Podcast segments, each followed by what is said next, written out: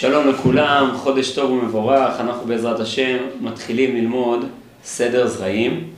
ואין היה על סדר זרעים, הרב קוק מחבר את דבריו על לשון המשנה, כי הרי אין לנו גמרא בבלי אה, על המשנות האלה, ירושלמי יש, אבל הרב קוק מחבר את דבריו על דברי המשניות ממש.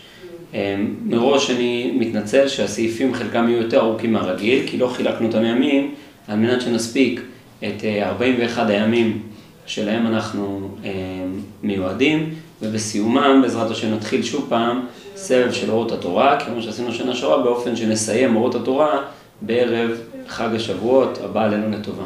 את הפיקוד על אורות התורה יקבל תלמיד חכם יקר, סוף סוף תקבלו תורה כמו שצריך, מהרב אלישע לפיד, אה, והוא ייקח את האחריות על לימוד אורות התורה. בהזדמנות הזאת שאנחנו מתחילים ואנחנו מיד אחרי הסיום, אני רוצה להודות גם בעל פה.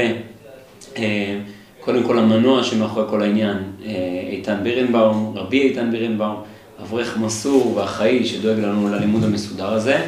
אה, תודה גדולה לאביאל טויבר היקר שנמצא פה מאחורי המצלמה ודואג לנו להקלטות ולצילומים באופן קבוע ואחראי. אה, בלעדיו העסק לא היה קורה.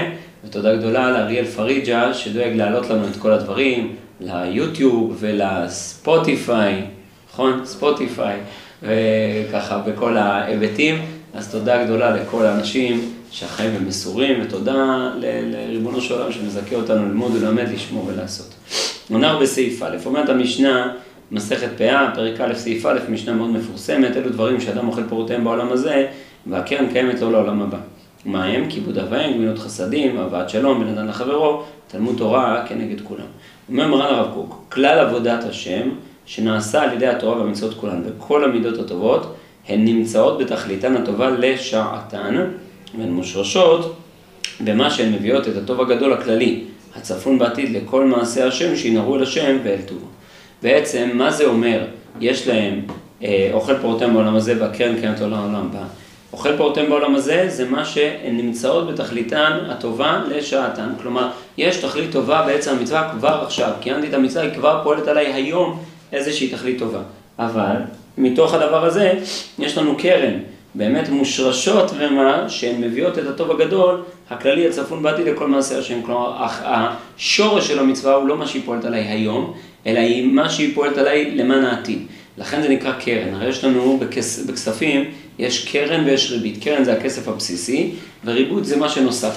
אומר הרב קוק, הקרן של המצווה, יסוד המצווה הוא לא מה שהיא פועלת עליי היום. היא לא מה שזה מקדם אותי בנקודה הנוכחית, אלא אדרבה, מה שזה משריש אותי בחיי עתיד, בחיי נצח.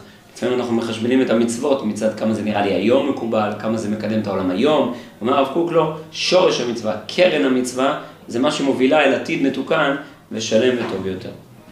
מפני שאין בשר לא תוכל לראות את כוח המצרף, שמצטרפים על ידי כל המון פעולות ודקדוקים הנראים קלים, אל תכלית רמה ונישאה כללית. על כן אין בנו יכולת להציץ אל גדולת טעמי מצוות.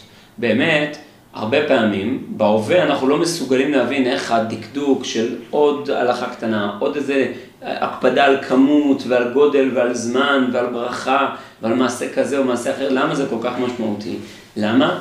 כי בעצם טעמי מצוות, הטעם של המצווה הוא גנוז לא בהווה, הוא טמון בעתיד. זה מה שכתוב, והיה אור יקרות וקיפאון. אומרת הגמרא מסר פסחים, מה זה והיה אור יקרות וקיפאון? שלעתיד לבוא והיה, זה לשון עתיד, אז דברים שהם יקרים בעולם הזה, כלומר דברים שהיום בעולם הזה נשגבים בהינתן הם יקרים, הם גדולים, ואנחנו לא מסוגלים להכיל אותם, יהיו קפואים וצפים לעתיד לבוא, כמו קרח שהוא צף על גבי המים, ולעתיד לבוא טעמי מצוות יהיו גלויים. למה? כי כשנגיע לעתיד נראה איך המצוות שהיו לנו היום הובילו אל העתיד. אבל היום כשאני עומד בהווה, המצוות בטעמן לא תמיד נראות לי מבוארות ומוסברות. גם מי שהתיימר להסביר את המצוות, שהיו כמה וכמה גדולי ישראל שכן הסבירו אותם המצוות, גם הם מודים שזה רק הסברה חלקית ולא כל שלמות המצווה ולא כל התוכן הקדוש שטמון בתוכה. מי שרוצה יכול להתבונן בסוגיית נעשה ונשמע בעין היה שבת פרק ט', שם הרב קוק חוזר על זה כמה פעמים, שזה נקודת ההבדל בין מי שרואה את המצוות כסמלים, למי שמבין שבמצווה עצמה יש מעבר לסמל, לטעם שלה יש הרבה הרבה יותר עומקים שהם קשורים אל העתיד הנצחי. ממשיך הרב קוק ואומר, והנה, הדברים הראשיים שתיקון העולם תלוי בהם, ועילוי נפשות בני אדם הם ארבעה ראשיים. כלומר, ארבע נקודות צריכים להתקדם בעולם. אחד, הוא כוח הכרת הטובה. השני, אהבת חסד. השלישי, אהבת השלום. הרביעי, מעלת הידיעה השלמה. ואלו הראשים, כשיבואו לתכלית שלמותם, תמלא הארץ אור פני מלך חיים, ונבערם אחד אחד. נקודה ראשונה, היסוד של הכרת הטוב. אומר הרב קוק, הכרת הטוב, אנו רואים שהאדם, כשנפשו ישרה בו, יהיה כוח הכרת הטוב חזק בו מאוד, עד שיהיה סיבה גדולה לפעולות טובות רבות. באמת הכרת הטוב היא יסוד מאוד מאוד עמוק. כמו שכותב מרן הרב קוק בשבת, פרק א', שכתוב שם שהנותן מתנה לחברו, צריך שיודיעו, צריך להודיע לו. למה? מסביר הרב קוק כדי לעורר את כוח הכרת הטוב. כי כוח הכרת הטוב הוא קורא לו העמוד המוסרי. כלומר, העמוד לכל המוסריות תלויה בהכרת הטוב. כשאדם חי בתודעה של הכרת הטוב, ממילא הוא מכבד כל אדם, כי כל אדם יש לו טובה שהוא נתן לי באיזשהו היבט. הוא מכבד כל דבר, הוא מכבד את הוריו, הוא מכבד בראש ובראשונה את הקדוש ברוך הוא. היסוד של כל עבודת השם שלנו במילה מודה אני. אני מודה, אני מודה לך הקדוש ברוך הוא, אני מכיר את הטובה שנתת לי, ולכן יש לי כוח לכל העבודה הרוחנית והמוסרית שבה אני נוהג מולך. זה היסוד של כוח הכרת הטוב, כמו שאומר הרב קוק, שיהיה יסוד להרבה דברים נעלים. וכל כך נטוע הוא כוח הכרת טובה בנפש האדם, עד שיחשב ככוח מעיק ומסע לנפש, להביע רגשי הכרת טובתו, גם אם לא יצר שיגיע מזה טובה למטיב לו. אבל חפצו הפנימי יעיק עליו שהוא יעשה את שלו, יביע הכרה בדיבור או במעשה, הכל לפי העניין. יש לנו מושג שנקרא אסיר תודה. אסיר תודה, אני בעצם אסור בצורך שלי להודות לך. למה? כי גם אם אתה לא זקוק שאני אגיד לך תודה, הרבה פעמים אומרים לנו תודה, אנחנו אומרים, מה תודה, הכל בסדר, לא עשיתי כלום. אבל לא, האדם השני לא אומר לך תודה כי, כי אתה זקוק, אלא כי הוא זקוק להיות אסיר תודה. כי זו נטייה נפשית יסודית להכיר טובה לאדם השני. לפנות אליו בהכרה טובה, לפנות אליו בצורך שלי, להביע דרכו את היחס העמוק שלי כלפיו. המצווה שמפתחת יפה את כוח הכרת הטובה היא כיבוד הורים, כמו שהוא מביא פה בספר החינוך, שכותב שמשורשי מצד כיבוד הורים זה להכיר טובה, ומי שיכבד הורים גם יכיר את טובת השם. זה מה שלמדנו בפרשה האחרונה, אה, פרשת וירא, שמשה רבנו לא מכה את הדם, את הצפרדע, את הכינים. למה? מסביר הרב דסלר, שבעצם כי יש לו כוח הכרת טובה. כי אם הוא יכה אותם, הוא יפגע ברגשי הטובה הפנימיים היסודיים שבתוך נפשו, אף על פי שהאדמה לא מרגישה, המים לא מרגישים, אבל עדיין אני לא מכיר אותם כי לי יש מעמד של כוח הכרת תורה, כי אני אסיר תודה כלפיהם, לא כי הם זקוקים לדבר הזה. והנה, כשתהיה מחילה, אנו רואים בנים מגעגעים בכל לב לעשות מצידם איזה דבר המציין אמונת רוחם להוריהם וביותר אחר מותם. זה מה שהרפו גם שם, ונותן מתן לחברו מבאר את זה. שהאדם כל כך חייב הכרה טובה להורים, שגם אחרי מותם הוא כל כך דואג לכבודם ולציין אותם, להזכיר אותם. למה? לא כי הם זקוקים, כי אני זקוק, כי אני חייב להם טובה. וביותר אחר מותם. וזה בא מצד הכרת הטובה החזקה מאוד ושולטת בכוח רב בנפש האדם. והנה, כשתהיה הטובה גדולה, עד שימצא האדם עצמו קשור בחיבה, בחובה גדולה, לציין במעללה והגיוני רוחו ודיבוריו את הכרתו ותודתו. וביותר אם ילווה עמה גודל חשיבות המטיב ותכונת המעלה שיוצאת מההכרה ההיא, כשתהיה גדולה, לא ינוח הלב כי אם כשיכניס אותה במעשים ועניינים ראויים לפי התפשטותה הגדולה וגודלה. כלומר, אדם כל כך, הטובה עוטפת אותו, הכרת הטובה כל כך מלאת אותו, שהוא מחפש כלים ואופנים להוציא אותה לידי ביטוי. זה בעצם היסוד של כיבוד הורים, כל הלכות כיבוד הורים נוסדו סביב העניין הזה. והנה, מזה עלינו להשכיל, כי כשאסור יבערון מליבות בני אדם ודעת השם תבעל את הארץ, כמה יבער כל לב מעין שקט, עד אשר יוצק הרגש האדיר הזה, שאינו נותן מנוח בתוך מערכה של מצוות ועבודת השם קדושה. כלומר, הסיבה היחידה שאנחנו לא עובדים היום את השם, ויש כפירה ויש ניתוק, זה רק כי אנחנו לא מלאים בדעת השם, אנחנו לא רואים איך כל המציאות היא רק טובת השם כלפינו. אם היינו מתמלאים בזה, היינו מתמלאים במצוות, היינו מתמלאים בקדושה, היינו מתמלאים בעבודת השם, כמו שמעריך בעל חובות הלבבות בשער הבחינה. על כן, אין לשער את עוצם הצימון שתהיה לעת המאושרה, כלומר בעתיד, לעבודת השם מצד עומק הרגש של הכרת הטובה האדירה. על כן כיבוד אב ואם, שהוא מפתח את רגש הכרת הטובה, הוא פועל טוב לשעתו. כלומר, יש בהכרת הטובה ערך כבר היום. למה? כי גם בעוד לא הושלם כוח הכרת הטובה בכל ערכו, אני עוד לא יודע להכיר את טובת השם, אני לא יודע להביט על כל הטובה, אבל סוף סוף רבה פעולתו על פרטי בני אדם לטובה כבר. כבר היום זה מקדם את העולם, כבר היום זה גורם לילדים לכבד את ההורים, כבר היום זה גורם לאנשים להיות רגישים כלפי אנשים אחרים כשהוא חייב להם טובה, אבל הקרן קיימת לעולם הבא. למה? מפני שמצטרף אל היסוד המעולה הכללי שיביא את המאור של הכרת הטובה, היותר כוללת ועליונה. כלומר, הערך שקיים בעולם הזה, הוא מצטרף לערך האמיתי, הערך העתידי. הערך הזה של יסוד המעלה הכללי. כלומר, זה שהעולם הכללי כולו ילך ויתעלה. להכרת הטובה כוללת ועליונה, הכרת טובת השם עלינו, שהיא תביא לאותו המעמד ויקבץ עמים יחדיו וממלכות לעבוד את השם.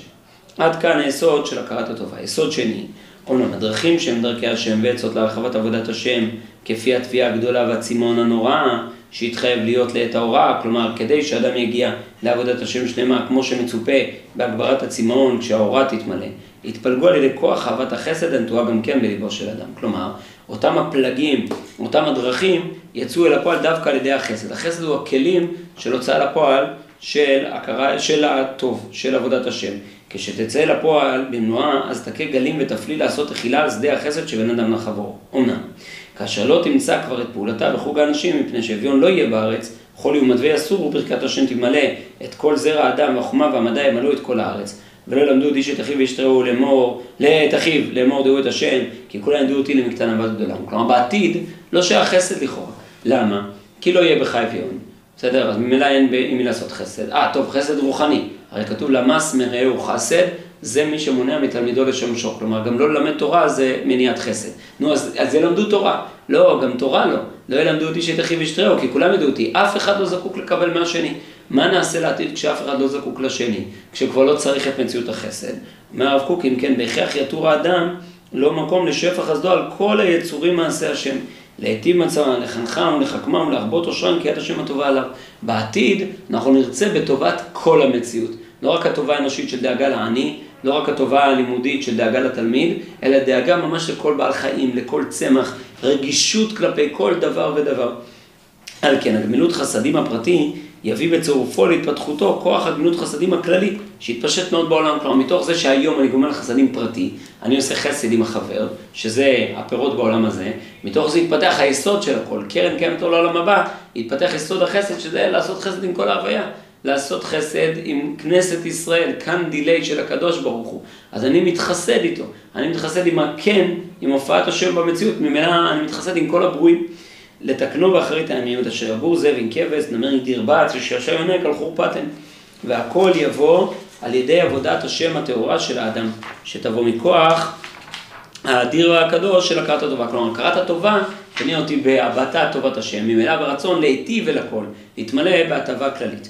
הכרת הטובה והשלמתה יותר רוממה, שתביא בשלב השני לידי מידת השלמת החסד היותר רחבה, שלב שלישי תביא גם כן להכרה הנאמנה, שכשם שלכושלים מצריכים עזרה ראוי לערוב לעזרתם, כן ראוי לדרוש לי שלום לעומדים כבר במעלה אדירה. כלומר, השלב הבא, אני לא רק רוצה לעשות חסד, אלא אדרבה, אני רוצה לדרוש לשלום אלה שעומדים במעלה אדירה. מברר הרב קוק, השלום שיבורר בעומק תביעתו, יביא לידי כך שהחוכמה האנושית תתעסק בעיקרה להכיר את כל הסיבות המביאות את מניעת השלום, חסרון הסכמה בעולם ולסלקה, ומילה יהיה עושם ואמיתו מאיר בעולם. שלב הבא, כיוון שאני רוצה להיטיב לכולם, אני אדרבה, אני גם רוצה לתת את המקום המדויק לכל דבר ודבר. זה נקרא שלום, כמו שמבאר פה הרב קוק, לפני כן בסוף אה, ברכות, בסעיף שס"א, מבאר מה נקרא שלום אמיתי. אותו דבר גם כן בשבת א', פרק א', סעיף י"ג, מבאר מה זה שלום אמיתי.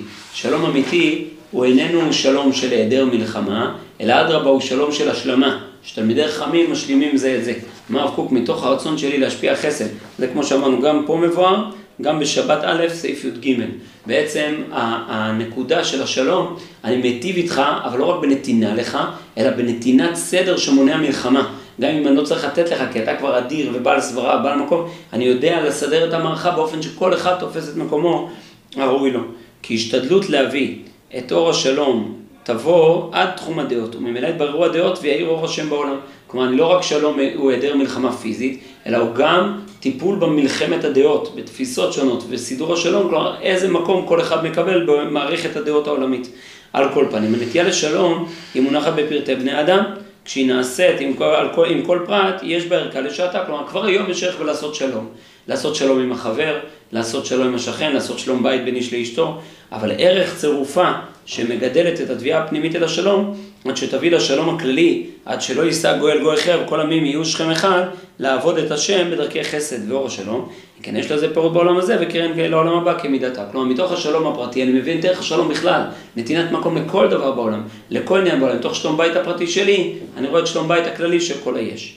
אמנם, כל אלה הם דברים תלויים בעיקרם ברגש הנפש האדם הטבעית, הכרת טובה, אהבת חסד, אהבת שלום. כלומר, זה עילוי הרגש למקום מתוקן.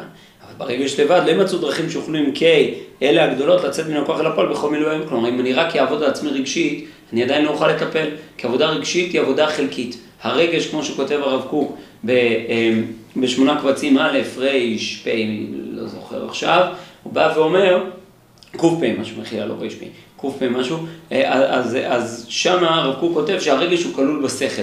האמת שתיקון שלם צריך להיות בדעה, בהכרה, בהבנה. על כן הדבר הגורם לאלה החמודות ועומק ההצלחה למלא בהם את כל חלוש העולם, הוא הורדת הגנוז בעיקרו באור תורה. על כן תלמוד תורה כנגד כולם. כלומר, מכוח תלמוד תורה אני אגיע לכל הדברים האלה, כי תלמוד תורה זה הכרה השכלית של האמת, של הטוב, של השלום, של החסד. ממילא אני תורר מכוחו להוציא לפועל דרך הרגשות.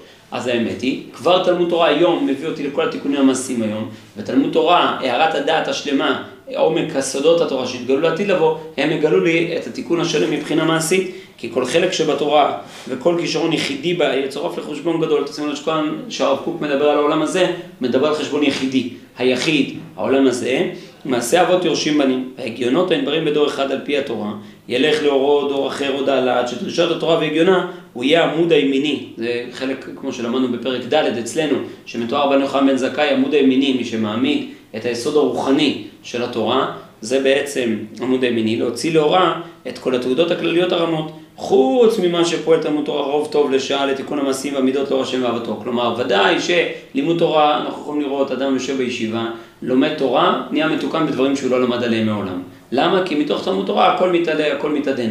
אומר הרב קוק, אבל לא רק התעדנות שלי היום, אלא התעדנות גם לעתיד לבוא. כלומר, עילוי כל העולם למקום. אז זה נקרא אור עולם באוצר חיים. כלומר, אור עולם זה לא רק אור שעה, זה אור עולם, אור נצח, בגלל שאנחנו עכשיו נכנסים לאוצר החיים, לנקודת הקיום שעוצרת אותנו.